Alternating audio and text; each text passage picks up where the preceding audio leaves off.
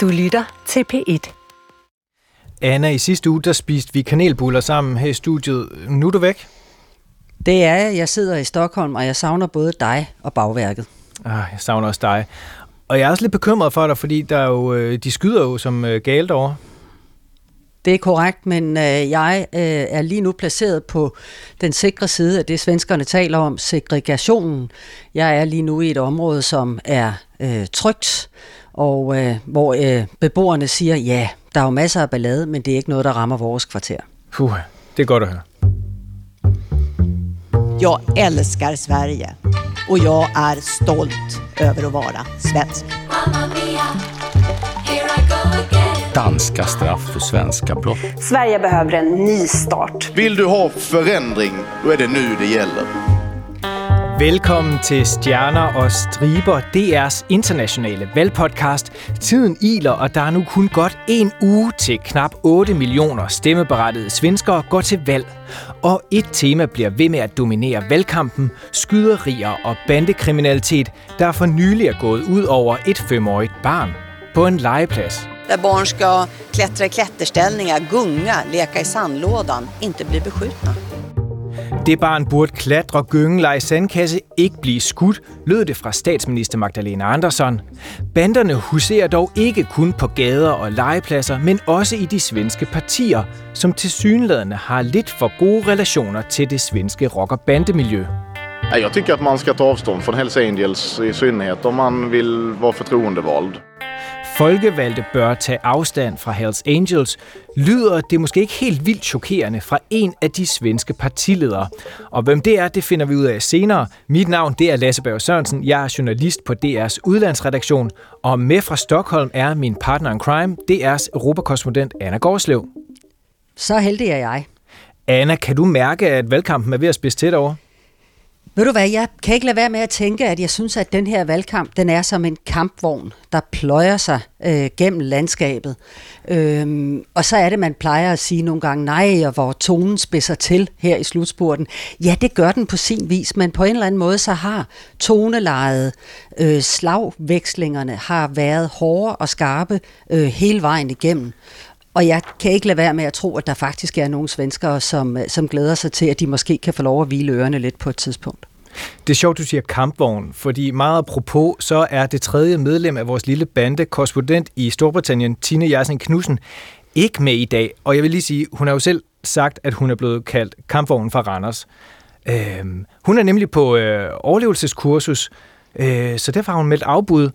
Jeg er lidt øh, nysgerrig på, hvor, hvor, hvor farligt det der formandsvalg over i Storbritannien bliver, siden at, øh, at hun er nødt til at, at tage på sådan et kursus. Nu er hun da i hvert fald forberedt, kan vi sige. Til gengæld så får vi jo i stedet selskab af en meget special guest, som, øh, som vi skal snakke med øh, lidt senere. Men det jag försökte säga förut, det är... Stopp, stopp, stopp. Politikerne de ved altså godt, at kriminalitet og bander det er øverst på mange vælgeres dagsorden. Derfor præsenterede statsminister Magdalena Andersson torsdag eftermiddag endnu en plan for, hvordan hun vil stoppe banderne. Og det indebærer, at der skal være 15.000 flere politibetjente på de svenske gader og stræder. Det vi kan berätta idag det er, att vi eh, socialdemokrater går till val på den kraftigaste utbyggnaden av Polismyndigheten någonsin. Vi Socialdemokrater går til valg på den største udbygning af politiet nogensinde, sagde Magdalena Andersen her for kort tid siden. Og man mistænker altså lidt øh, statsministeren øh, for at have kigget efter Ulf Christersons noter, ellers er det ham, der har kigget efter Socialdemokraterne. Fordi præcis nærmest det samme præsenterede Moderaternes øh, statsministerkandidat Ulf Christensen. Han vil nemlig have 10.000 ekstra politifolk. Det var øh, noget, han skrev i en kronik i dag i avisen Dagens Nyheder. Øh, Anna, tror du det her det er øh, uheldig eller virkelig heldig timing, at begge partier de øh, går ud og præsenterer den her politiplan? Det gør de, fordi de ved godt, at det er her øh, slaget øh, det slås, og det er også på den her bane, øh, det bliver vundet. Øh, og så vil vi måske høre dem diskutere øh, og lave talgymnastik, der vil være uforståeligt for langt de fleste vælgere. Øh, hvem er det egentlig, der lover flest betjente, og hvem er det, øh, der har den øh, bedste plan? Vi skal bare huske på, at når øh, eksempelvis øh, øh Socialdemokraternes Magdalena Andersson siger, vi er jo i fuld gang med at udbygge politiet, og vi er vi fortsætter sådan set bare det gode arbejde og giver det et spark til, øh, så dækker det altså over, at i dag øh, er der flere betjente end for otte år siden, da Socialdemokraterne kom til magten, men der er ikke flere betjente per indbygger, fordi i de otte år, der er gået, ja, der er Sveriges befolkning vokset ret så voldsomt. Så niveauet for betjente per indbygger er fuldstændig det samme øh, som for otte år siden. Men det er jo fint med sådan nogle hensigtserklæringer, men er det så realistisk at kunne ansætte så mange nye politifolk? Det er faktisk sådan, at man har haft en smule svært ved at finde øh, kvalificerede ansøgere. Samtidig så er der rigtig mange betjente, som har sagt op, og som hellere øh, vil lave noget andet. Det kan måske hænge sammen med, at øh, svenske betjente jo er udsat øh, for lidt af hvert. Øh, for så sent som for et par dage siden, ja, der var brandfolk ude og slukke en brand i en lejlighed i en øh, mindre by i Småland. Øh, det udviklede sig til noget ballade, og de tilkaldte politiet. Og de betjente, ja, de blev altså spyttet på, og en af dem blev ovenikøbet bit. Altså, så det er jo øh, noget af et arbejde at være udgående betjent i Al- Sverige i 2022. Altså bit af en hund? Af et menneske. Af et menneske? Altså overskriften, mand bed betjent, øh, er fuldstændig korrekt. Ja, den havde jeg klikket på. Det var der også mange andre, der gjorde. Nej, men jag tycker att det är ganska fräckt att så här tre veckor innan valet göra så mot, mot våra medlemmar. Der kan jo altså være en ret god grund til at ansætte øh, lidt flere politifolk i Sverige, fordi vi hører jo hver eneste uge om den ene mere vanvittige historie efter den anden. I weekenden der var det en mor og et øh, barn, der blev skudt og såret på en legeplads i Eskilstuna Altså den her provinsby, som vores kollega Malte Sommeren var på vej til, i, da vi snakkede med ham i sidste uge, det er i øvrigt den by, hvor der er flest skudepisoder per indbygger. Ugen før det, der blev en mand dræbt og en tilfældig kvinde såret i skyderi i shoppingcenteret Emporia i Malmø, og i mellemtiden så var der lige to teenager, der blev påkørt, øh, påkørt ved et gymnasium. Det, der sker ikke så lidt derovre, og øh, derfor er det godt, at vi har allieret os med en, der ved alt om bander og skyderier, nemlig DR's retsanalytiker Louise Dalsgaard. Hej, Lasse. Velkommen til, Louise. Tak. Velkommen til. Tak, Anna. Godt at høre dig i den ja, anden i ende. Måde. Hvor er det dejligt, du har lyst til at gøre os lidt klogere på, hvad der øh, foregår over i Sverige. Ja, det vil jeg gerne være med til. Louise, hvad tænker du sådan umiddelbart øh, som journalist og retsanalytiker når du følger med i de svenske nyheder? I forhold til mit område, så tænker jeg, at der virkelig tit er gule øh, bjælker på diverse nyhedssider i Sverige, hvor det handler om skyderier, eller dræbte, eller bandekonflikter. Øh, så tit, at jeg nærmest øh, ikke kan følge med længere. Altså fordi det er jo hele tiden, at der er skyderier derovre, og at der bliver benævnt bandekonflikter i forskellige områder af Sverige. Men Louise, du kender jo dansk politi rigtig godt, og nu taler vi jo meget om det der med, at politikerne i Sverige, i hvert fald på den borgerlige fløj, de kigger øh, mod Danmark med en vis længsel, misundelse og øh, tager det ene danske forslag efter det andet og lancerer ja. det over for svenske vælgere. Hvad tænker øh, dansk politi, når de ser på Sverige? De politikilder, jeg så nogle gange taler med i mit arbejde, de øh, kigger over på den anden side af Øresundsbroen, øh, både i Malmø, men jo også længere op i Stockholm, og så øh, priser de sig lykkelige over, at det ikke er det, der foregår i Danmark. Altså, de ser simpelthen lige nu Sverige som et skrækeksempel på, hvordan det må være at være efterforsker eller betjent, altså fordi der sker så enormt meget, og det er jo frygtelige ting, der sker.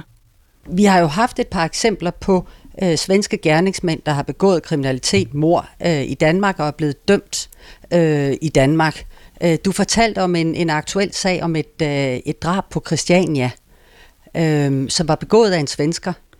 Ja, altså det er et drab, som fortsat hos politiet i hvert fald til dels er uopklaret. Man har sigtet en person herhjemme for at medvirke til det, men det er et drab, der sker øh, i sidste sommer på Christiania.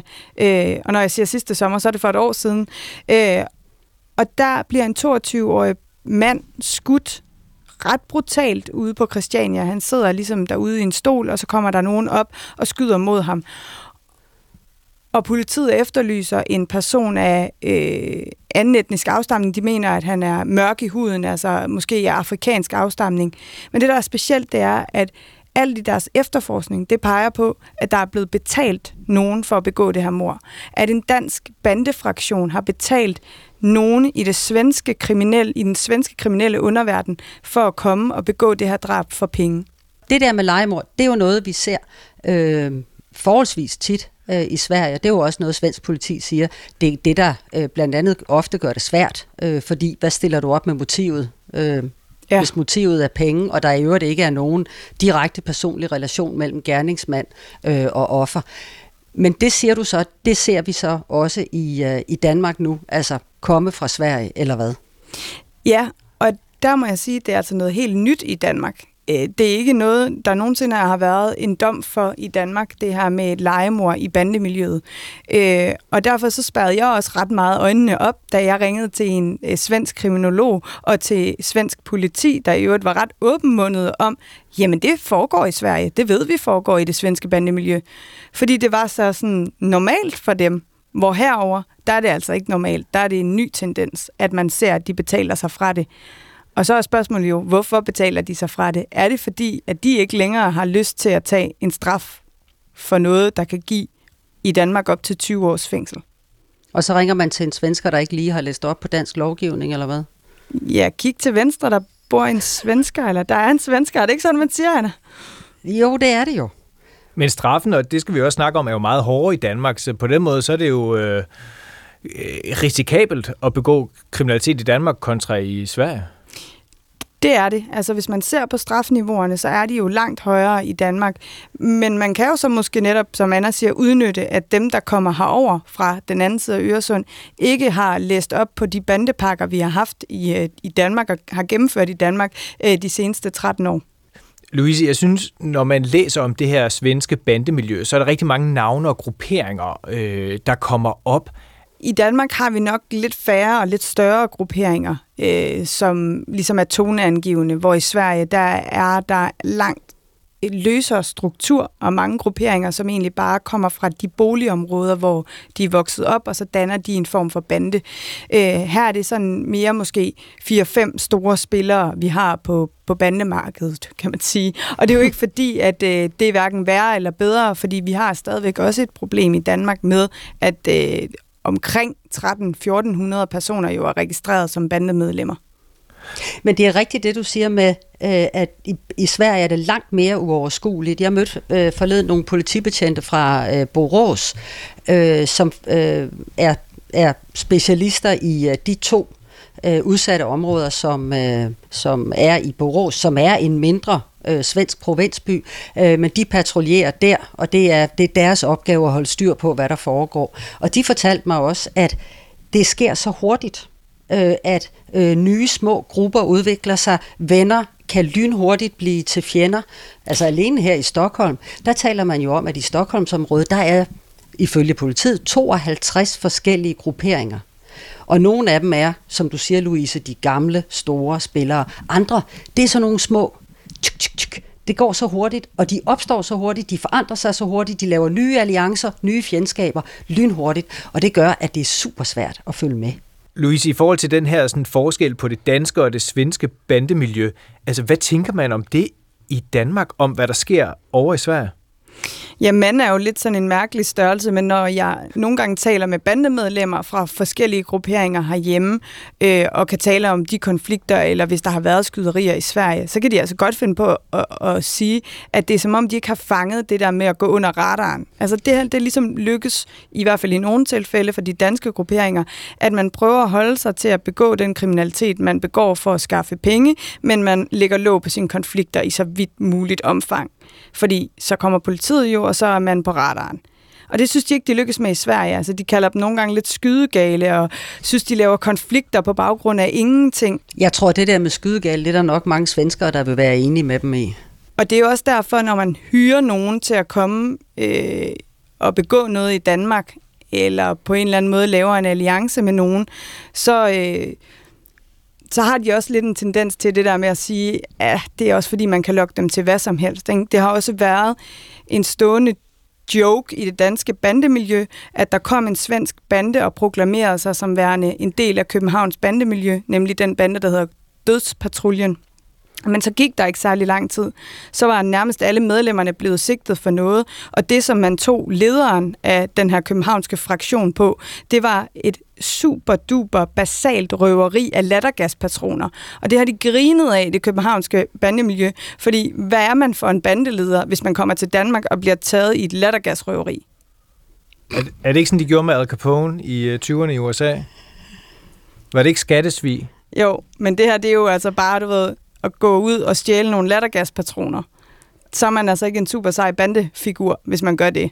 Det betragter man fra den side som uprofessionelt simpelthen, eller hvad? Meget uprofessionelt. Vi ska knäcka gängen och bryta segregationen på vårt svenska sätt.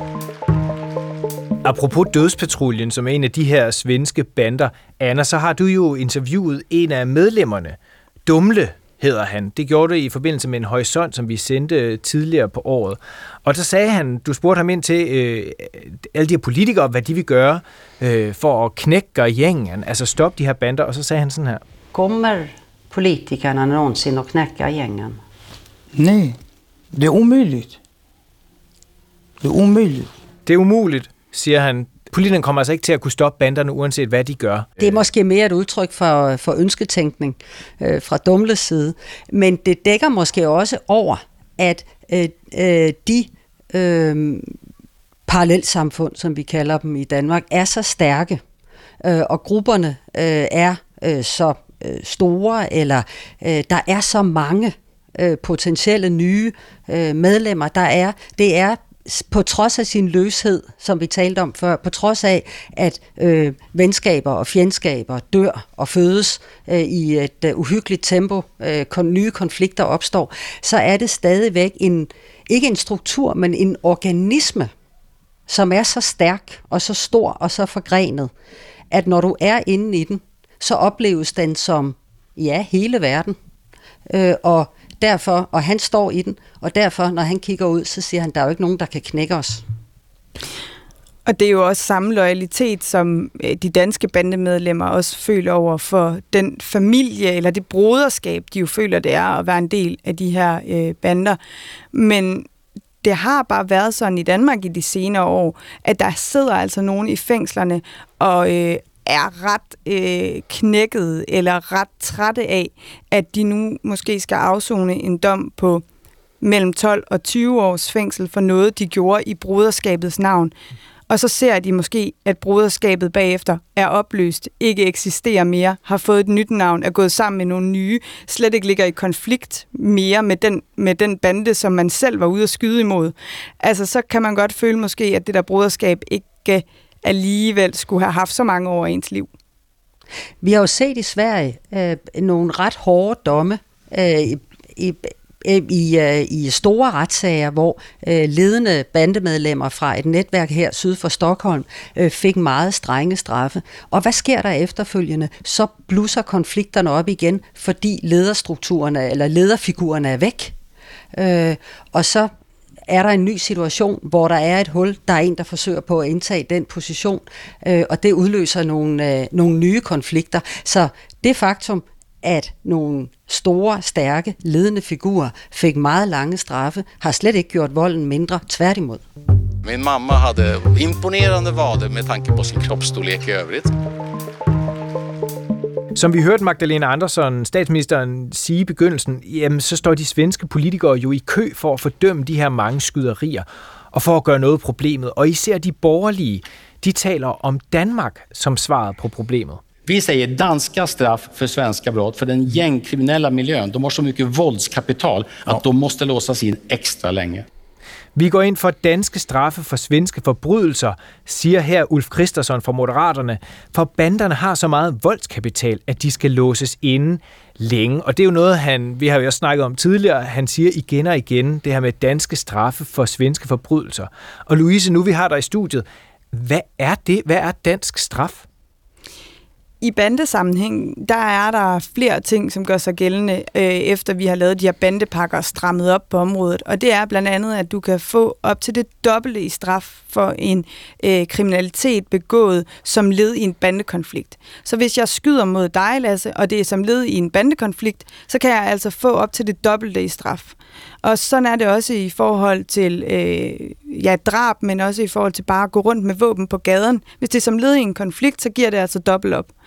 Og det var ligesom det første skridt, der tegnede måske billedet af det, som han kalder danske straffe. Og siden så har vi jo udbygget det med, at man også kan idømmes et zoneforbud, som betyder, at når man er dømt i et vist område for noget øh, bandekriminalitet, så kan du ikke komme tilbage til området bagefter. Det vil sige, du kan ikke gå ud i dit boligområde og være længere. Og det opholdsforbud kan gives for eksempel i to år efter, at man er løsladt. Øh, og der er også jo visitationszoner, som gør, at politiet kan i øh, konfliktsituationer få lov til at visitere alle biler, der kører i et område, for eksempel på Nørrebro, uden at der er et krav om mistanke til nogen i bilen. Og det er jo også noget af det, Ulf Christensen har talt om, det her med at fordoble straffen øh, for øh, kriminalitet begået i sådan en bandesammenhæng. Og er det så det, der har virket? Ved man det her i Danmark? Forskerne vil sige, nej, det ved man ikke, for man har ikke undersøgt, om det er det, der har gjort, at øh, antallet af bandemedlemmer har været faldende siden den første bandepakke, øh, og at vi ikke ser lige så mange skyderier i det offentlige rum, og lige så mange våben i det offentlige rum. Man har ikke undersøgt det, men spørger man myndighederne, så vil de sige, at de er rigtig glade for de værktøjer. Politiet har været rigtig glade for, at bandemedlemmer og toneangivende figurer i bandemiljøet sidder inde længere tid. De er rigtig glade for zoneforbuddet, der gør, at de ikke kan komme tilbage, og de er rigtig glade for at kunne visitere øh, alle biler og rense af alle biler, der kører rundt i et område, når der er konflikt. Altså de politiske vinde blæser en vej, og det er mod hårdere straffe. Med ganske få undtagelser, så er stort set samtlige partier i det her land enige om, at øh, man skal simpelthen ind og sidde noget længere tid. Det jeg er i tvivl om, det er det der med visitationszoner, øh, det der med, at man øh, også kan straffe øh, mere eller mindre indirekte familie, familiemedlemmer til en kriminel. Øh, det tror jeg simpelthen ikke, øh, vi vil komme til at se i Sverige. Det er, der er de øh, simpelthen ikke endnu. Men når vi taler om sådan almen straffe for overtrædelse af våbenloven, øh, fjernelse af ungdomsrabatter og alt det der, der er jeg sikker på, det får vi på et eller andet tidspunkt. Spørgsmålet er bare, øh, hvor hårde straffene bliver, og tempoet på det. Men det blæser en vej, og det er den vej. Men jeg gad bare godt lige, Anna, fordi nu har jeg bare lige, mens du har snakket, fundet en sag frem, hvor øh, øh, en række svenskere blev dømt for et dobbeltdrab i Herlev, øh, som jo var en, et bandedrab. Øh, men det tog udgangspunkt i en svensk bandekonflikt. De kom bare til Danmark for at dræbe hinanden. Der var to, som fik domme i Danmark på 17 år. I Danmark der fik de hos Østre Landsret 16 års fængsel hver. De var altså 17 år. Mm-hmm. Så det er nærmest det er et mindre år, de skal i fængsel, end de havde levet på det tidspunkt. Altså, hvad vil de få i Sverige? En fjerdedel cirka, sådan i, uh, i rundetal. Uh, det er derfor, at uh, man har et udtryk uh, på svensk, eller sådan i den svenske bandeverden, der hedder brøststein fyra, og så blive en 100% skubbe. Forstået på den måde, du tager fire år, og så er du 100% medlem bagefter. Anna, altså, det er jo ikke fordi, at jeg har nogen som helst viden om, om, om svensk øh, kultur og svensk politik, men jeg har dog et fritidshus i Sverige, som jeg besøger tit, så jeg ser nogle gange de der overskrifter, der er på de forskellige aviser, og hører jo også de lokale øh, tale om indvandringen osv. I Danmark har man jo diskuteret enormt meget politisk om, øh, at, at bandekriminalitet og hårde bandedomme skal føre til udvisning. Altså man vil have partout udvisninger på alle dem, man kan, hvis der taler om bandekriminalitet. Er det også en samtale øh, i svensk politik lige nu? Ja, det er det. Fordi realiteten i øjeblikket er, at øh, selvom jo mange bliver dømt til udvisning, og det kender vi vel også fra Danmark, så kan du godt dømme et menneske til, øh, til udvisning efter en straf, men hvis ikke der er et land, der vil tage imod ham, hvad stiller du så op? For at hustrun sa vid något tillfälle att det var den enda kroppsdel på mig som var större än genomsnittet.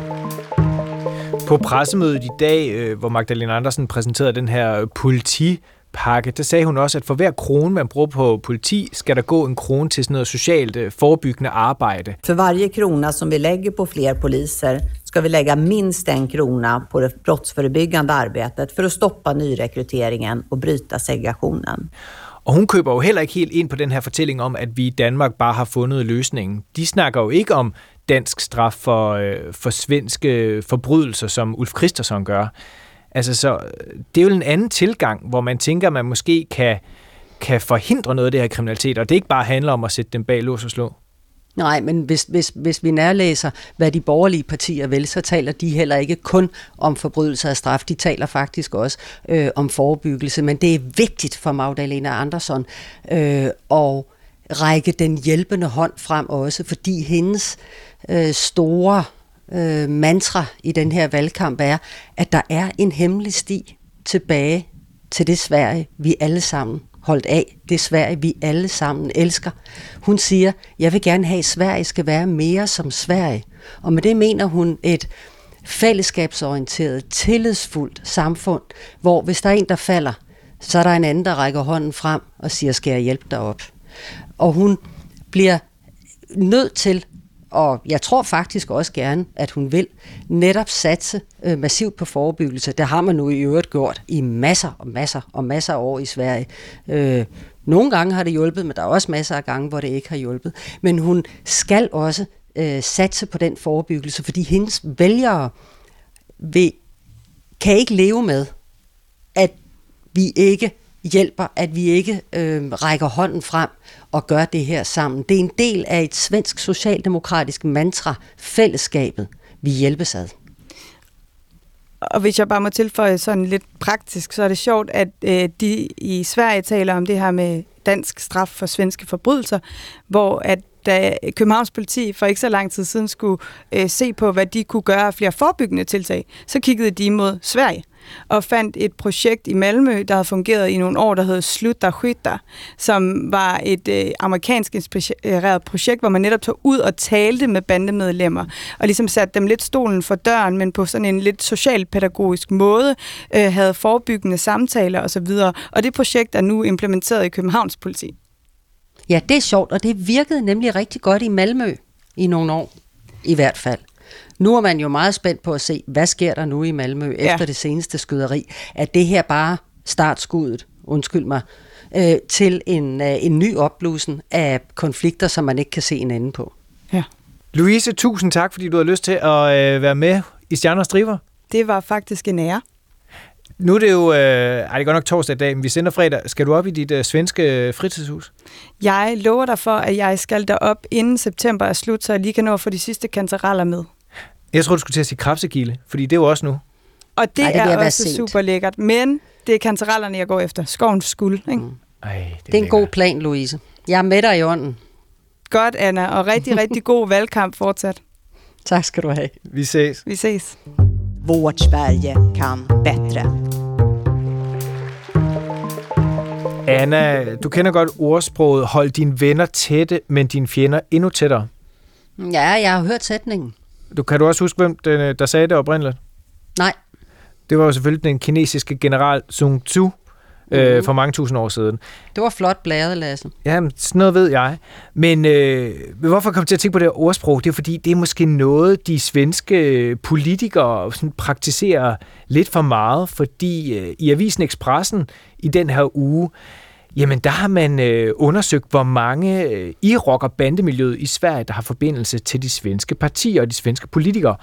Og øh, det viser sig, at det er 64 politiske kandidater, som stiller op til årets øh, valg, som har forbindelser til folk i øh, rock- og bandemiljøet.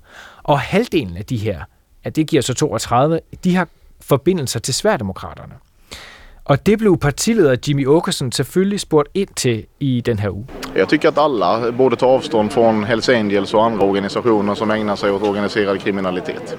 Jeg synes, alle bør tage afstand til Hells Angels og andre organisationer, der gør sig i organiseret kriminalitet, sagde her Jimmy Åkesson til Expressen på et, øh, ved et valgmøde i Göteborg. Og så tænker jeg bare, er det ikke lidt absurd, at man har en partileder i et moderne demokrati i 2022, der skal stå og tage afstand til en bande, som er berygtet for øh, organiseret kriminalitet på den her måde? Ja og nej. Ja, fordi det er det.